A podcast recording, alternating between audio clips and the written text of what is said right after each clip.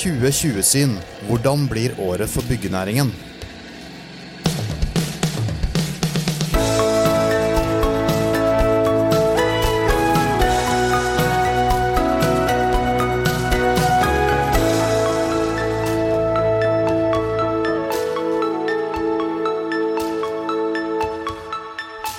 Et årsskifte gir muligheter til å stoppe opp og se tilbake. Og ikke minst så gir det en mulighet for å legge nye planer og komme med nyttårsforsett. Hva har vi i vente i byggenæringen i 2020? Det har vi brukt mye spalteplass på i årets første utgave av bladet vårt Byggeindustrien. Og i dag så skal vi snakke med Kristoffer Eide Hoen, analysesjef i Veidekke. Og så på telefon fra Tromsø så har vi med oss Gisle Løken, president i Norske arkitekters landsforbund, og i tillegg driver jeg arkitektkontoret 70 grader nord arkitektur. Og de to gjestene skal gi oss et lite eh, framblikk på hva vi har i vente i næringen i 2020. Og Vi kan begynne litt med deg, Kristoffer. For dere i Veidekke gir ut en konjunkturrapport med jevne mellomrom. Hvor ofte kommer dere med rapporten, og, og hva sier den seneste rapporten? Vi, vi kommer med rapportene våre to ganger i, i, året, og så har vi en oppdatering mellom der. Så, så det blir på en måte hvert, hvert kvartal nå, da. Um, så siste rapporten vi, vi, ga ut, det var i tredje kvartal. Mm. Um, men det, det bildet vi hadde da, står seg godt. At 2020 kommer til å ligne på 2019. Uh, Dvs. Si et, et høyt aktivitetsnivå i norsk bygg- og anleggsnæring. og og på mange måter en, en gullalder i norsk bygg og anlegg som eh, ser ut til å vedvare også inn i, inn i dette året. Bank, mm. bank i bordet. Mm. Hvor er det gullalderen eh, er mest tydelig, da?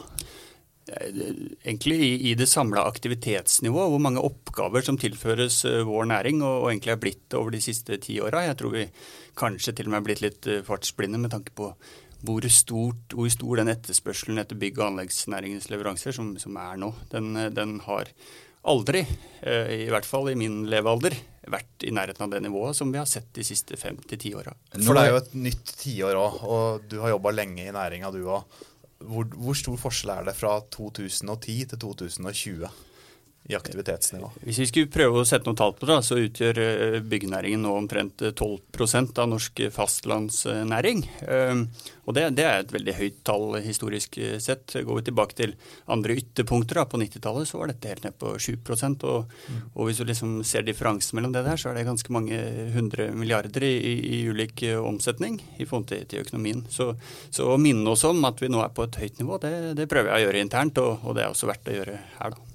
Jeg, eh, ja, det er ikke tilfeldig at vi har valgt Gisle Løkken som eh, gjest, for du eh, representerer da arkitektene. Og som en god sånn barometer, et barometer på hva som er i vente, så er det alltid lurt å spørre arkitektene. Hvordan blir 2020, Gisle? ja, den, den, som hadde visst det med sikkerhet, kunne sikkert gjort det godt. Men Eh, jeg tror nok at vi står På veldig kort sikt så tror jeg ikke at vi kommer til å se så veldig store endringer ut fra det vi har hatt i eh, både 2019 og de årene før det. Men eh, litt, på litt lengre sikt så tror jeg nok at vi kommer til å se ganske store forandringer både i måten arkitektene jobber på og arkitekturen som sådan. Altså hva vi på en måte definerer som arkitektur. da. Så, men eh, jeg tror nok at dette kommer til å ta litt tid, da. Selv om eh, vi har et visst press på oss til å løse en del problemer som eh, for så vidt er ganske nye. Både for byggenæringen, arkitekten og egentlig samfunnet som helhet. Da. Og Da er det lett å dra tankene inn mot klima og miljø. Er det det du snakker om da? Ja, det er helt åpenbart at det er det. Altså, det er satt så det er eh, beskrevet et såpass uh, alvorlig fremtidsbilde som går på klima- og miljøproblemstillinger. og Jeg oppfatter jo at uh, vi sånn sakte, men sikkert uh, så begynner på en måte hele samfunnet å ta det så mye inn over seg at det kommer til å prege oss alle. Og Så lenge byggenæringen og arkitekturproduksjonen da, er egentlig en så stor faktor i dette, her, så, så er det helt åpenbart at det kommer til å skje endringer innenfor vårt felt. Det gjør det. Men Hvis du kunne se litt sånn utover det der, da, og bare sånn konkret på byggeprosjekt. Eh, for det planlegger jo disse byggeprosjektene som entreprenørene og andre skal være med å, å utføre. Hvordan ser det ut? Du tenker rent sånn fysisk hvordan arkitekturen kommer til å se ut, eller tenker du Nei. på den økonomiske delen? av det? Ja, Hvor masse skal vi bygge? Hvor mye vi skal bygge? Ja. det er vel det alle entreprenører lurer på, ja, tror jeg. Det er jo et veldig godt spørsmål. Jeg tror vi kommer til å se ganske store endringer der òg. Og akkurat hvor fort tingene går, det er litt vrient å være veldig skråsikker på. Da. Men eh, det, det, er veldig mange flere som snakker om å eh, fornye, renovere, ta i bruk det eksisterende på andre måter enn bare å tenke at vi skal bygge nytt hele tiden. Og Det, det kommer òg til å bli eh, Eh, sterkere eh, til stede i fremtiden. Ikke minst for arkitekter. Og nå snakker vi jo egentlig om at vi skal utdanne arkitekter som blir eh, bedre på renovering og bedre spesialkunnskap på den typen eh, arkitektur. Da. Og, da, for, og, det trengs av mange grunner. Altså vi, vi, har, eh, vi, har, et press på oss, vi har et krav på oss fra EU f.eks. om at vi skal oppgradere eh, eksisterende bygnings, bygningsmasse til en høyere energistandard enn vi har i dag. Og, eh, det man gjorde kanskje på 70-80-tallet, når man renoverte 50-tallsblokkene, var jo å kle de inn med noen litt ugjenkjennelige eh, plater av noe slag og legge isolasjon bak. og så eh, forandret vi veldig sterkt uttrykk i den eh, arkitekturen som var. Så eh, Det sier seg selv at skal vi få til dette på en god måte uten at vi på en måte skal ødelegge eh, bygninger vi vil ha, og historiske bygninger og sånne ting, og samtidig skal kunne bruke de fremover, så, så må, må, det kunnskap til for å, å kunne gjøre det. Så, så, det kommer til å bli et, et mye mer eh, fremtredende i utdanningen av arkitekter og fremover. Det er jeg nokså sikker på. Men én ting er bygg, så har vi anlegg også, som er en viktig del av næringa. Og, og dere i Veidekke er jo både i bygg og anlegg. Hvordan skiller de to bransjene seg? Tja, på, på aktivitetsnivå så, så, er det jo høy fart i, i begge sektorer. Men jeg, jeg, tenker Det var et interessant poeng Gisle egentlig innledet med her. At, at, det kanskje er ikke de korte, litt konjunkturelle tingene vi har vært vant til å være opptatt av, som, som preger oss uh, som entreprenører eller, eller, arkitekter eller eiendomsutviklere. Det er de litt mer lange trendene da, som kommer sigende over oss med, med stadig stadig større fart. Og, når du spør om anlegg, eh, der har du jo på en måte to, to, to måter f.eks. klima eh, slår inn i, i det, den sektoren på. Den ene er jo det som skal gå på å forhindre global oppvarming. Da. På den kontoen kan vi sette flere ting, men f.eks. vindkraft, eh, en politisk oppmerksomhet og, og prioritering av jernbane, en del på den sida. Og så er det på den andre siden dette med vann og avløp, som, som har vært et marked i Eh, vill vekst er store ord, men, men, det er i hvert fall et, et marked som vokser med, med stor hastighet og, og, år for år.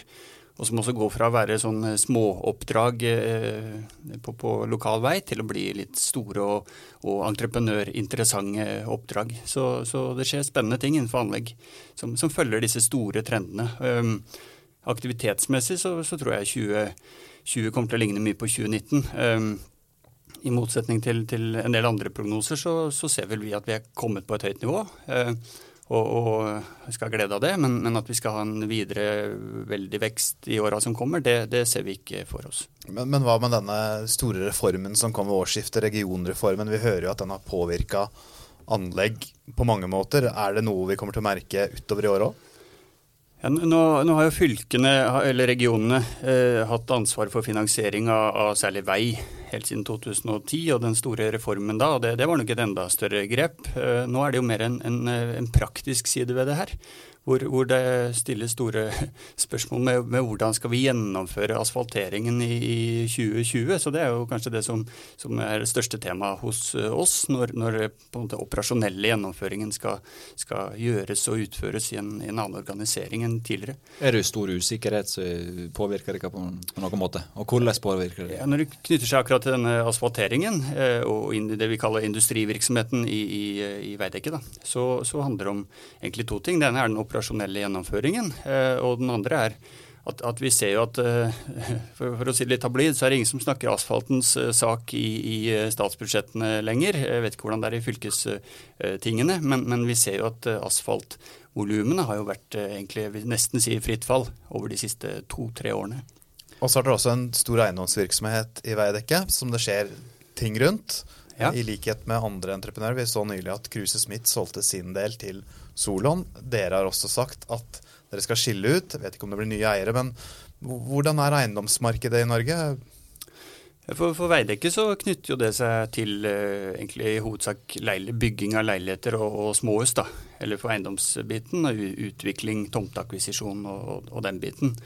Um, så, så, det er klart at det, det har først og fremst vært en veldig hyggelig reise for, for Veidekke uh, gjennom de siste ja, det blir vel 20 åra.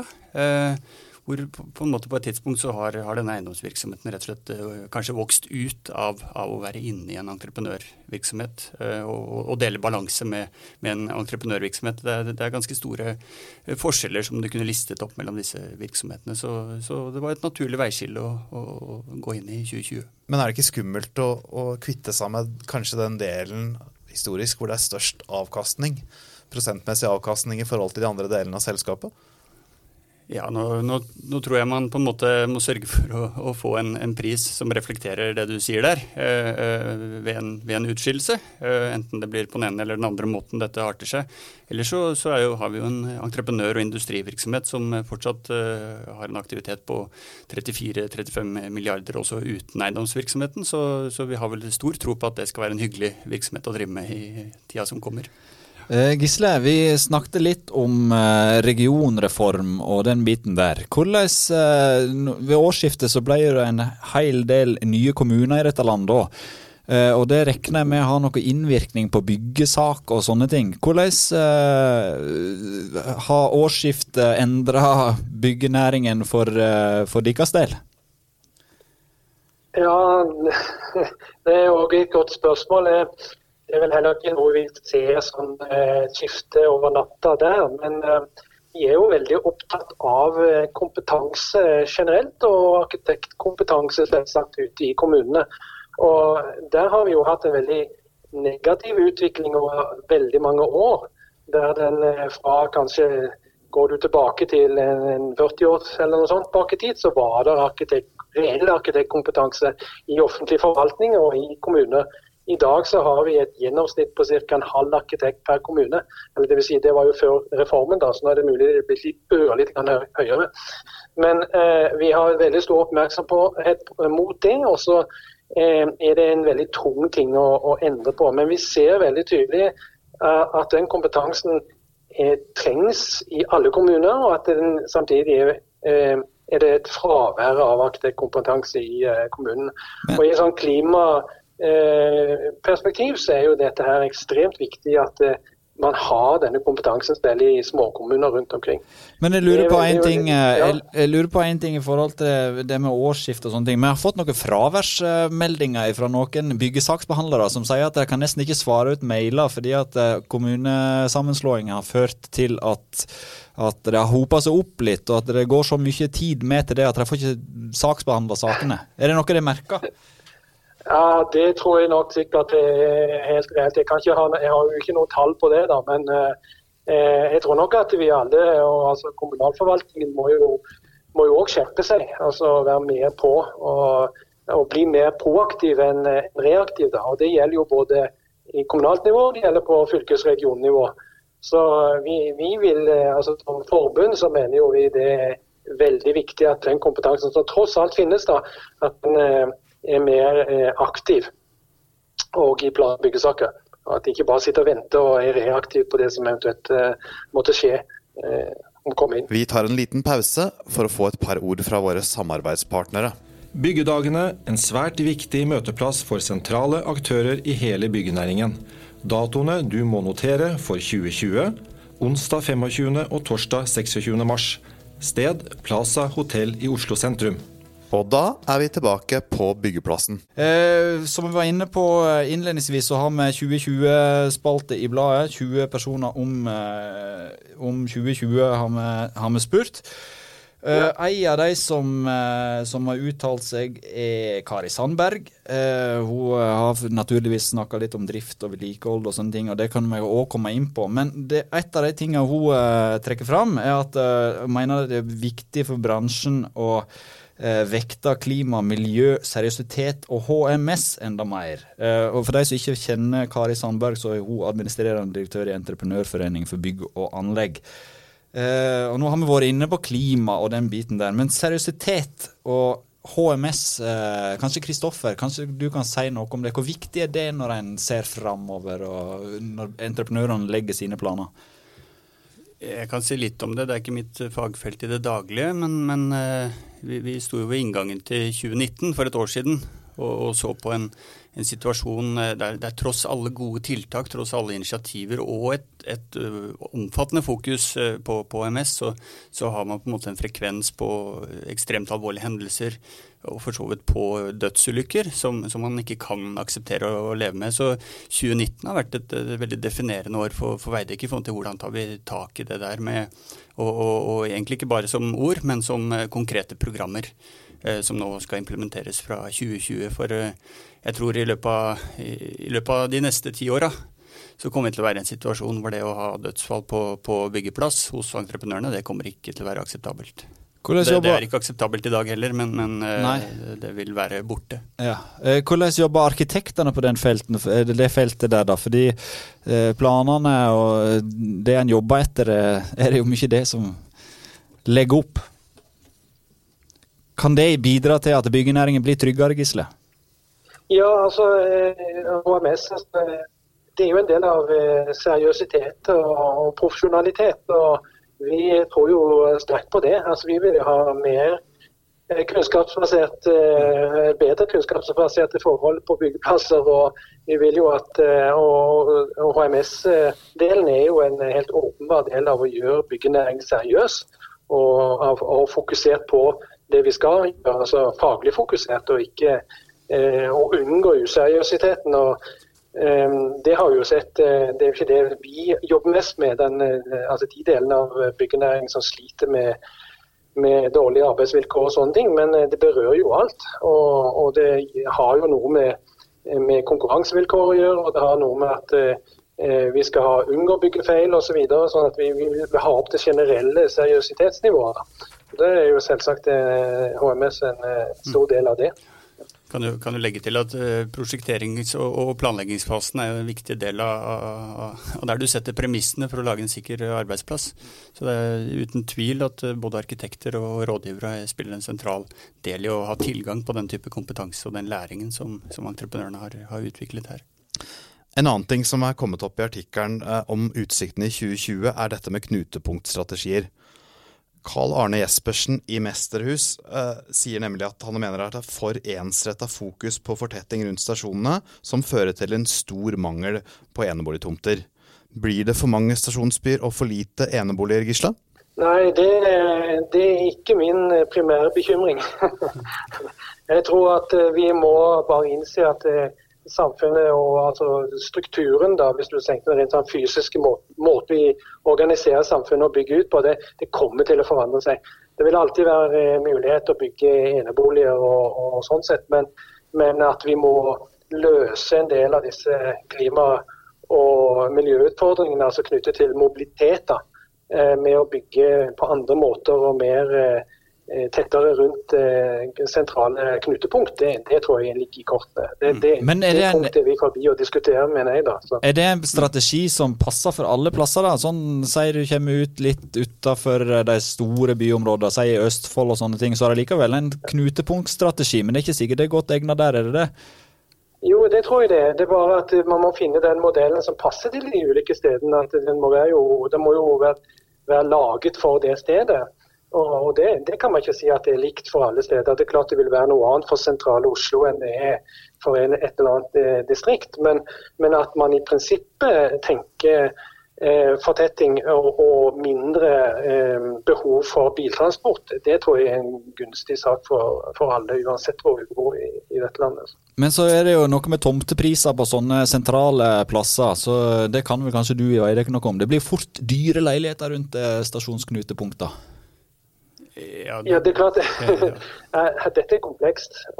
Og du kan si, man kan jo diskutere på et prinsipielt og ideelt nivå. Og så kan man jo ta den praktiske elementet inn med tomtepris osv. Men, men det, det, er to litt Selv om de har, noe, har en helt klar virkning i markedet og for den enkelte, så er det jo egentlig to litt ulike diskusjoner, Men nei da. Ja. Altså, Vi må kunne ha en prinsipiell diskusjon om det, og så må vi se hvordan vi klarer å løse det på en best mulig måte. Sånn at det, det ikke skal være eh, en så høy kvadratmeterpris per enhet eh, når man bygger tettere. Mm. Men vi var inne på ge geografi, og, og, du holder til i Tromsø. Hvordan er utsikten utsiktene i nord? Skiller de seg fra resten av landet? Ja, det, det, er nok ikke én eh, felles, eh, et felles svar på det. fordi at uh, Tromsø er jo en, et, en, del av regionen som har hatt en litt spesiell utvikling kontra resten av Nord-Norge de seneste årene. Og her har det jo vært uh, et like stort press på utbygging og like stor vekst som andre sentrale deler av landet. Så, mm. så jeg tror nok at det er, en, det er, en, større likhet i utviklingen her med andre sentrale strøk i Norge enn det med resten av eh, Nord-Norge. sånn sett da. Det, det, det er nok. Hvordan er ståa for resten av landet? da? Er det noen regioner som skiller seg, seg negativt ut? Jeg, jeg, det tør ikke jeg svare på. Altså, jeg sitter ikke med den uh, statistikk og de tallene som sådan. Men uh, så inntrykket er jo at uh, um, det er distriktsområder som helt åpenbart har en negativ utvikling i forhold til trykk og, og, bosetting. Og så er det jo sentrale østlandsområdet vi jo en, har jo samme, eller et økende press, et vedvarende økende press. og Det ser ikke ut som at det skal avta Eh, på kort sikt iallfall. Så. så akkurat der tror ikke jeg vi får noen sånn umiddelbar endring. For, for, i bladet så sier da, Obos-sjef Daniel Sirei at Oslo-markedet, der forventer man fortsatt vekst, mens andre deler av landet føler man at markedet er mer metta. Stemmer det overens med det dere ser, Kristoffer? Ja, ja, Oslo er en sånn særegenhet i, i norsk eh, bygg, og, og spesielt boligsammenheng. Eh, ellers så er det jo et særtrekk ved, ved Norge som sådan at, at, vi har en eh, urbanisering i, i lokale bysentra. Eh, jeg har familie på Lillehammer, og, og Lillehammer er jo en, en liten innlandsby, og den, den vokser. Og, og, tilsvarende har vi mange andre steder i, i, i landet. Så det, det, er på en måte noe som borger for vekst mange steder i, i Norge. jeg tror Oslo Markedet jo, er jo kanskje den geografien som har vært eh, hardest utsatt for eh, en nedgang i boligbygging. Der hvor svingningene er klart eh, størst. Eh, voldsomt opp i 2016 og 2017 hvis vi ser på bygging og, og, og salg av boliger, og, og like kraftig ned eh, etterpå. Eh, og, Paradokset er jo at ser vi på Akershus, da, eller vi får vel si Viken, men på en måte om, omkringliggende områder så, så, har jo aktivitetsnivået, byggenivået, holdt seg veldig høyt i, i omkringliggende områder. Eh, så, så, Østlandet som sett under ett ser jo for så vidt eh, brukbart ut aktivitetsmessig hvis du ser det i, i, sum. Og så tror jeg kanskje vi kommer til å mangle noen boliger igjen i Oslo om, om et år eller to. Når det gjelder Vestlandet, så er det kanskje der vi har blitt mest overraska litt på den negative siden. Eh, kanskje med tanke på at det ikke har tatt seg mer opp igjen etter at man, eh, på en måte oljeprisen snudde. Og, og, og, vi har jo sett befolkningsveksten har tatt seg noe opp igjen etter hvert, og, og på en måte ting så til å normalisere seg. og det har i hvert fall vært en, en, forventning om at, at, markedet der oppe skulle opp, og noen tenkte kanskje tilbake til gamle høyder. Så det er kanskje det slående at vi, vi har hatt negativ prisvekst i Stavanger f.eks. Eh, siste året. Det tror jeg ikke mange hadde venta seg. Men, men ser vel også en sånn jevn Eh, nedadgående byggeaktivitet, bl.a. Eh, i de mest oljenære områdene. Så. Vi kan uh, gå litt tilbake til dem vi har spurt. Uh, 2020, dra inn at det der. Uh, Jon Georg Dale han er samferdselsminister i Norge. Og han legger i sitt svar til oss vekt på at entreprenørene må få mer innvirkning i byggeprosjekter i samferdselssektoren. Da. Han ønsker tidlig involvering, eh, sånn at vi får et mer realistisk kostnadsbilde og unngår like mange budsjettsprekker. Du skal få lov å svare på dette her du òg, Gisle, men siden Kristoffer er mer på anlegg og samferdsel, eh, har eh, samferdselsministeren et poeng? Ja, vi, vi, opplever jo at det er et veldig, veldig viktig poeng, og det er en glede at samferdselsministeren har, har tatt disse setningene i, i sin munn. Um, vi har jo sett egentlig over en, en periode at, at uh, den type hovedentrepriser, altså ferdig planlagte prosjekter, som vi siden så skal komme og bare utføre, det, Mulig det fungerte for 10-15 år siden når eh, kontrakten var mindre og mer oversiktlig, men, men, det fungerer ikke med de store jobbene som nå skal utføres. Så, så vi har hatt en tydelig strategi å faktisk dreie oss inn mot de anleggssegmentene som, som, byr på en type tidlig, tidlig involvering. Um, og det, det, det, er jo flere kunder også i offentlig sektor som, som, har sett det her, dette lyset, for en del år siden. Hva, hva med dere, Gisle? Tidlig involvering?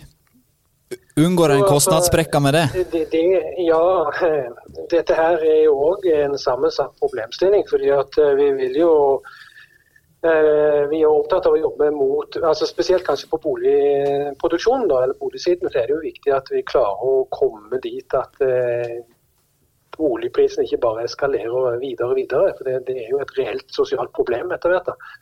Eh, på den andre siden sett så så ser jo vi òg at jeg tror ikke vi skal ha noen illusjoner om at eh, alle aktører i byggebransjen har helt sammenfallende interesser inn i eh, markedet. Og, og, det er klart at eh, Vi som arkitekter skulle jo kanskje ønske oss en større grad av eksperimenting i boligsektoren. Der vi òg kunne bidra til å stå litt friere til å teste ut både si, funksjonelle løsninger og, og tekniske løsninger som som eh, både kunne gi bedre boliger og kunne bli annerledes boliger og kanskje til og med billige boliger. Så jeg tror nok at det bildet er litt komplekst. Når det er sagt, da, så samarbeider jo vi mot entreprenører ganske tidlig. Um, sånn som det er i dag òg, da. Så jeg syns kanskje ikke at det er en sånn element som eh, altså Det er ikke noe vi savner sånn sett. Det, det, er vel egentlig i stor grad sånn det foregår i dag. For den private sektor. Før vi drar inn eh, vår sjefredaktør Arve Brekkhus, eh, han skal si noe om hva han tenker om 2020, så kan vi bare kort, hvis skal, kort oppsummere da, 2020 for byggenæringen. Kristoffer? Det kommer til å bli bra. Uh, stabilitet det er bra for anleggs- og, og byggebedriftene. Og, historisk sett viser det at lønnsomheten går opp. Så bank i bordet, dette kan bli bra. Der har vi banka i bordet. Gisle? Jo. Ja, jeg tror det, Økonomisk sett tror jeg at 2020 kommer til å bli eh, helt strålende for alle innen byggenæring. Så eh, der, der, ligger det ikke noe forandring. Men smått om senn så kommer vi til å se at arkitekturen kommer til å forandre seg pga. klima- og miljøproblemstillinger som eh, vi ikke har hatt tidligere. Altså. Mm. Og så har vi tatt med fasiten her. Arve Brekkhus, sjefredaktør i Byggeindustrien. Hvordan tror du 2020 blir? Ja, Vi får se. Jeg er nok ganske enig med de som har vært med oss her i dag. Men tenkte jeg først dra inn at Kristoffer nevnte innledningsvis at de siste ti åra kanskje har gjort oss litt fartsblinde. 2010-åra eh, var jo egentlig en periode for byggebransjen der eh, alt vokste nesten hvert eneste år. Det var litt ujevnheter på veien, men det har vært veldig sterkt tiår. Eh, og det er jo lite som tyder på at starten av 2020-åra skal vi noen stor, stor forskjell på det. Så jeg tror i hvert fall 2020 blir et bra år som ligger på et enda høyere nivå enn eh, året vi nettopp avslutta. Det var et veldig bra år. Eh, det er jo kanskje litt usikkerhet rundt boligmarkedet, hvordan det skal gå. Hvordan det skal gå både rundt om i, landet òg, men spesielt i Oslo, kanskje. Eh, så det kan jo kanskje bli flatt før det skal gå opp igjen. Og så er det litt usikkerhet rundt anleggssektoren. Det er jo et marked som har vokst veldig de senere åra. Og det er jo en vekst som er varsla lenge, men så er det litt usikkerhet rundt en del store prosjekt nå. Det er litt noen prosjekt som kanskje blir utsatt litt, og noen kanskje som ikke kommer tilbake. og Jeg tenker på type Rogfast, ferje 439, hva går med det? Litt usikkert rundt Ringeriksbanen har vi hørt de siste dagene. Utbygging av intercitytriangelet generelt sett, med kostnadssprekker. Og Vestkorridoren, som er litt usikkerhet eh, på politisk. Så dette er så store prosjekter at det kan påvirke hele utviklingen på anleggssektoren. Så jeg er litt spent på hvordan det skal gå. Men at anlegg fortsatt blir drivende fremover, det er jeg helt sikker på. I tillegg så har vi jo det der såkalte rotmarkedet, altså rehabilitering, ombygg, tilbygg, som jeg tror vil vokse kanskje enda mer i åra som kommer nå enn det har gjort. Det blir veldig viktig. Litt i forbindelse med bærekraftsperspektivet òg, som var tatt opp her. Med gjenbruk og ombruk, og mm, bruk av det vi har, uh, har brukt før. Og så skal vi heller ikke glemme et hyttemarked som kanskje kan virke litt lite uh, hvis du tenker på ett og ett prosjekt, men som faktisk begynner å bli ganske mange milliarder som blir omsatt i, i hvert eneste år. Så jeg har stor tro på at 2020 blir et veldig bra år for, for bransjen totalt sett. Det er jeg ganske overbevist om. Utsiktene er i hvert fall veldig gode for at vi er tilbake med flere episoder av Byggeplassen seinere i år. Eh, tusen takk til gjestene. Christian Aarhus og Frode Aga var programledere. Vi er som sagt snart tilbake med en ny episode av Byggeplassen.